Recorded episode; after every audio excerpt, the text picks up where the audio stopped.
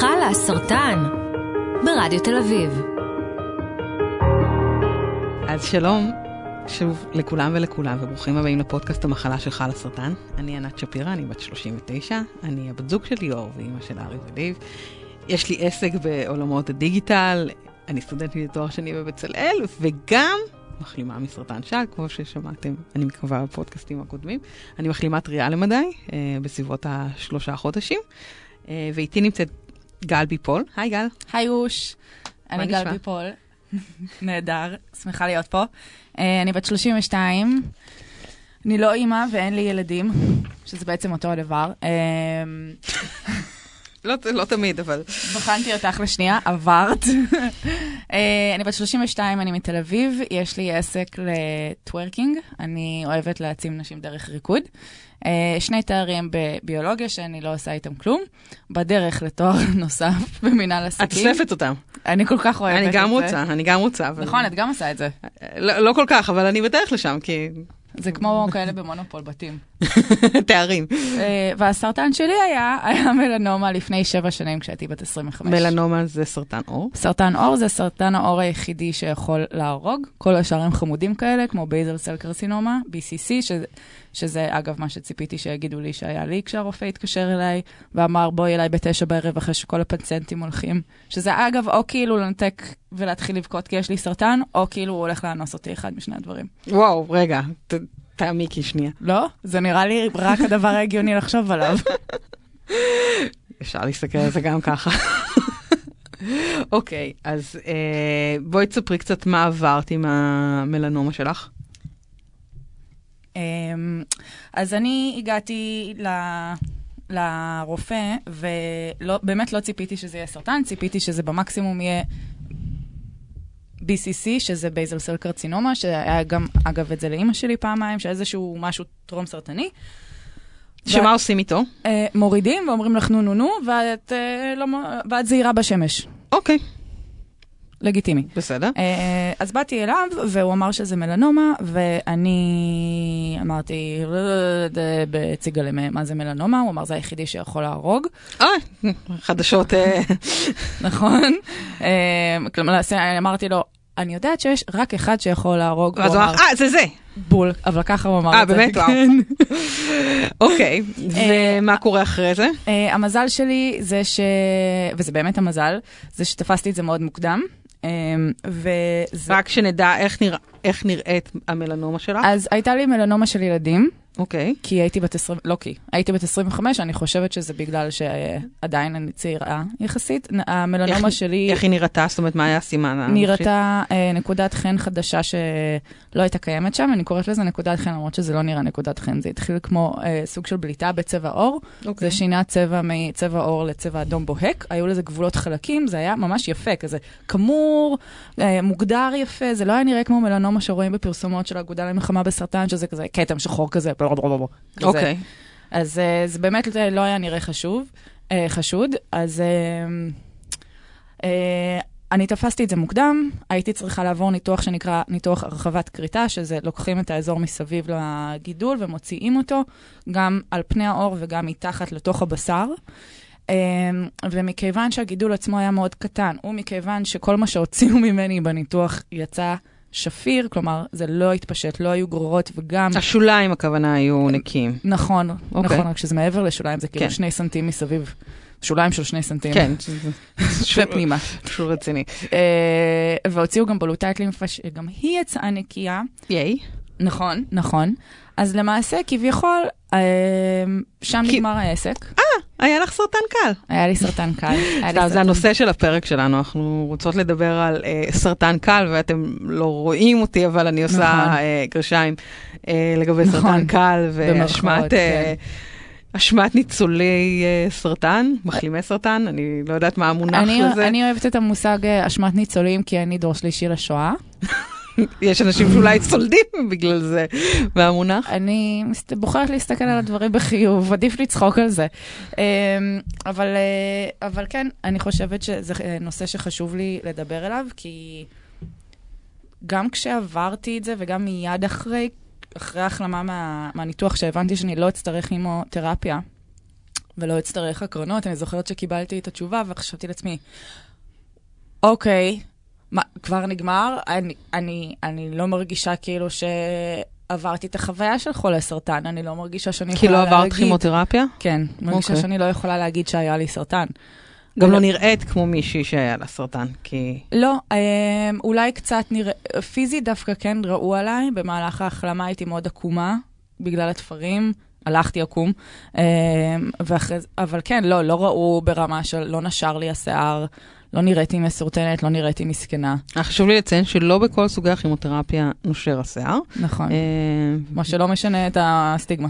לא משנה את הסטיגמה וגם התחושה, ההפך, אני חושבת שיש בזה אולי משהו שאפילו מקצין את הנכות השקופה, של בן אדם יכול לעבור טיפולים סופר מסיביים, ולהתמודד רואים עם. דברים מאוד מאוד קיצוניים, כמו מלנומה, ו- ולא רואים את זה עליו. ואני גם חושבת שהקושי המאוד גדול והשבר המאוד מאוד גדול שמגיע בסרטן, ופה זה קצת מדבר על הסרטן הקל הזה, אה, מגיע מעצם ההבחנה. נכון. ולא מעצם, ולאו אה, דווקא הטיפול. ולאו דווקא מהטיפול. הטיפול הוא, בהשקפה שלי, חוויית אה, חולי מאוד מאוד מורכבת, אה, שמציפה המון המון דברים, אבל השבריריות הזאת, התחושה שבה אתה מגלה שאתה יכול למות, מהמם. אה, ואני לפ... עד, עד לסרטן, חשבתי, בסדר, אני אמות כשאני אהיה בת 80, 90, וואטאבר, כאילו. כנראה מסרטן, אבל אני אהיה בת 80, למי אכפת? אה, אני מניחה שגם בגיל 80 יהיה לי אכפת.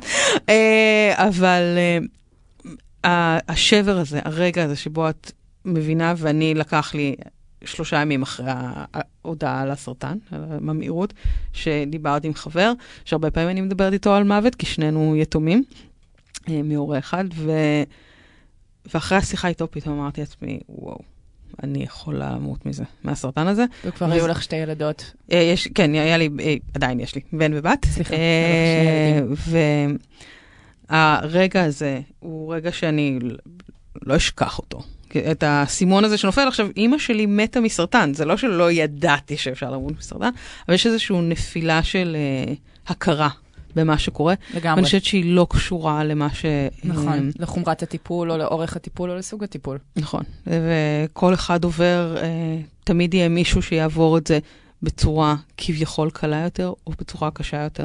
אה, הסיפורים הם, אה, חוויית החולי וההתמודדות והמחלה, הם בספקטרום כל כך כל כך רחב, שאי אפשר, זה גם לא תחרות. זה לא תחרות הסרטן הקל או הקשה. זה לא תחרות. אה, מי שמבינה בזה ממש הרבה, היא לי פרלמן נחום, שנמצאת איתנו על הקו. היי לי, היי, מה שלומך? בסדר גמור. אז אני, אה, את יכולה לה, להציג את עצמך? את אה, חברת קהילה של חל הסרטן. נכון, אני מחלימה פעמיים מסרטן שד, ובהכשרה שלי אני פסיכולוגית קלינית בסוף ההתמחות. סיימתי את ההתמחות, אבל הסרטן תקע את התהליך, ואני עדיין נחשבת מתמחה. אה, ואני עובדת אה, בפרויקט עם אה, חל הסרטן. אנחנו בעצם הקמנו שתי קבוצות צמיחה, שזה קבוצות תמיכה למחלימים מסרטן. רק למחלימים אה, או מחלימים וחולים? כרגע הקבוצות שיש לנו הם למחלימים שאחרי הטיפולים, אבל uh, עומדת להיפתח קבוצה נוספת למחלימים בזמן הטיפולים. אוקיי. אז uh, זה בעצם פרויקט חדש, והוא ממש, uh, הוא הולך מצוין, ואנחנו uh, בהחלט פונים להתרחבות. יש לנו קבוצה אחת בתל אביב וקבוצה אחת בירושלים, ויש מחשבות על, על הצפון, ו... ואת מתרוצצת בכל הארץ להעביר את הסדנאות? אה, לא, כן, כרגע אני בין תל אביב וירושלים, אבל אני לא יודעת אם אני אהיה גם במקומות האחרים.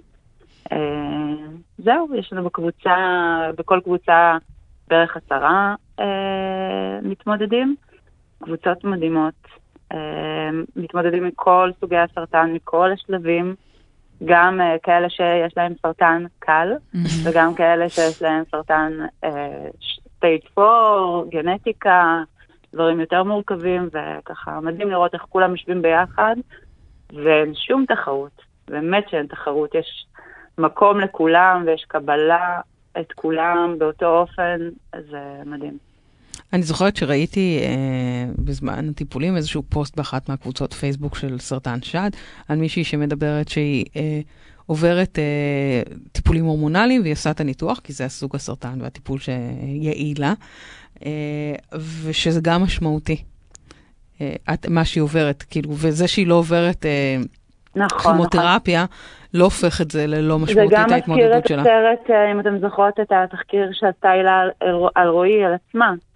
אה, שהיה לה סרטן שד, שהיא גילתה אותו בשלב מאוד מאוד מוקדם, וחלק מהביקורת שהוא עברה עליה מצד מתמודדות בסרטן השד זה איך היא חושבת שהיא מייצגת אותנו הקהילה, אם היא לא עברה כימותרפיה, אם היא לא יודעת, היא לא ייצגה את החלק הזה של מתמודדות בסרטן שד. אף אחד לא יכול לייצג את כל הסקט. אה, בוודאי, אני מסכימה איתך. אני הסתכלתי על הסרט ואמרתי שזה מדהים שהיא עושה את זה, ובדיוק יש מקום לכל אחד שנגע במילה סרטן, או שסרטן נגע בו בחיים שלו. אה, זה ממש לא משנה מה הכותרת או איזה טיפול עברת. אה, בעצם ברגע שקיבלת את ההבחנה, יש איזה משהו שהוא משותף לכולם. אתם גם נכון. אמרתם את זה מקודם, אתה נגעת במוות, ואתה נגעת באכזבה מהגוף שלך, ובתחושה שלא תמיד הכל בשליטתך, וזה לא משנה איזה סרטן יש לך. אה, נכון. ואז, כשאתה בן אדם שבאמת חווה את הסרטן הקל הזה בעצמו, בתיאוריה, במוח, אני מודעת לזה, אבל לא יודעת, אולי משהו בגנים הפולניים שבי. כן מרגיש ש... לפעמים אני מרגישה שאני אומרת את המילים, היה לי סרטן, אנשים מניחים אסון בגודל X, ואז אני מספרת להם, ואני כזה, אבל זה בעצם רק רבע X או שליש X. אני, אני... אבל גם, את גם מרגישה את זה, או שזה רק מה שאת מרגישה כשאת מדברת עם אחרים? לא, אני לא, אני, אני יודע, I feel fortunate and lucky and privileged שקיבלתי את זה קל. אני לא חושבת ש- it was any less of a התמודדות, סליחה על העניינים פה. Uh, אני לא חושבת שזה היה פחות התמודדות, אני חושבת שבדיוק כמו שענת mm-hmm. אמרה, השבר הוא, הוא נפשי עם האבחון, לא עם הטיפול. אבל אני mm-hmm. כן חושבת שלאנשים יש איזושהי תפיסה של מה זה סרטן ומה זה אומר ומה הטיפול שמרכיב שמתאים לחולי סרטן. לאנשים אין את ה... לאנשים במיוחד שהם לא חולים, אין את הידע שיש לחולים שסרטן זה מילה אחת ל-8,000 מיליון מחלות שונות וכל אחת זה שונה. אז אנשים מניחים, אוקיי, סרטן, אוקיי, הקרנות או כימו, עיבוד שיער. אה, את כולה עברת ניתוח. Mm-hmm. הם לא יודעים. ואני נכון. חושבת שגם יש משהו ככל שהרפואה מתקדמת וטיפולים הופכים להיות הרבה יותר מתורגתים אה, ומותאמים אישית. ונגישים. ונגישים, אה, אנחנו נחשף לספקטרום הרבה יותר רחב של התמודדויות ו... אה, ש... וסרטן לא תמיד נראה רק עם קרחת נכון. ובלי גבות ובלי ריסים, ריסים זה דבר ממש חשוב. נכון. לך נפל השיער? לי, כן, אני, לי אה, לא היה התחילה לי הנשירה, אה, ואז גילחתי את הראש, אחרי יומיים כאלה נורא קשים שהנשירה זה היה השלב הכי אה, קשה, וגילחתי את הראש. אה, ואז בסבב כימותרפיה השני גם נשרו לי הגבות והריסים.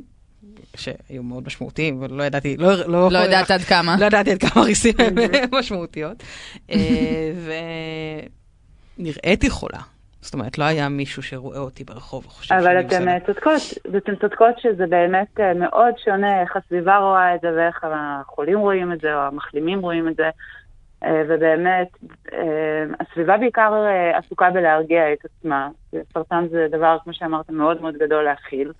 אז אה, כל אה, רמז קטן להקטין את הגודל ואת העוצמה של הסרטן שלך, ולהראות שלך שהכל בסדר, נכון. הם, אה, הם נתפסים אליו ומעצימים אותו, וחושבים שזה מרגיע בזמן שזה מבטל משהו מאוד מאוד גדול בחוויה של, ה, של המטופל בעצם. אבל זאת הנטייה של הסביבה, והיא נטייה סך הכל בריאה של הסביבה, אלא שהיא לא ממש עוזרת למטופל.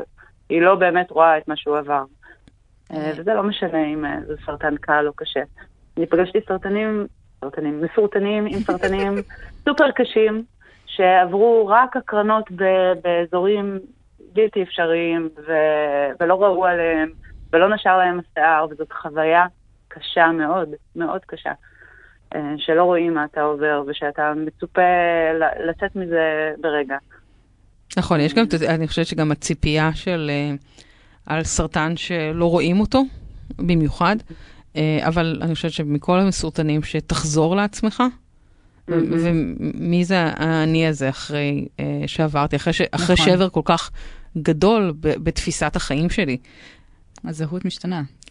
אני חושבת שיש גם משהו הרבה יותר קשה לאנשים עם סרטן במרכאות קל, ב- בלהגיד לעצמם, מותר לי להתאבל ומותר לי גם אה, לתת מקום לסרטן שלי. אני, נכון שאני אמור עכשיו להמשיך הלאה, היה לי סרק- סרטן קל, היה לי הרבה מזל, אשמת הניצולים אמרנו, אבל אה, רגע שנייה, עצור ותסתכל על עצמך לבפנים. אתה חווית משהו מאוד מאוד קשה, אתה גם לא צריך לבטל את עצמך ואת מה שעברת. יש איזה מין תנועה כזאת של אה, לצאת מזה ולהיות נכון. חזק ולהיות גיבור. לגמרי. ויש חשיבות לעצור רגע ולהגיד, לא, רגע, שנייה. החיים שלי התערבבו לגמרי. ואני רוצה להגיד שאת צודקת, ולי לקח או שנתיים או שלוש אה, אה, אחרי, ה, אחרי הסרטן שלי, ובערך חצי מהזמן שהייתי בטיפול פסיכולוגי, עד שהמטפלת שלי התעקשה שאני אדבר על זה, כי דיברתי על כל דבר חוץ מזה. והיא אמרה, לא ייתכן שזה לא השפיע עלייך. ואז עלה, אוקיי, למה אני לא מתעסקת בזה בעצם? כי אני לא מרגישה שיש לי זכות, במרכאות, אה, להתעסק בזה, כי קיבלתי את זה כל כך קל. אבל אני כן רוצה להעיר באלף על משהו חיובי שיכול לצאת מ- מההבנה שהסרטן שלי, טפו טפו, היה יכול להיות גרוע יותר, וזה שאני הרגשתי שקיבלתי... קיבלתי את הסרטן ככזה אה, צלצול אזהרה, תתעוררי, Mhm. תתעוררי על החיים שלך, ו...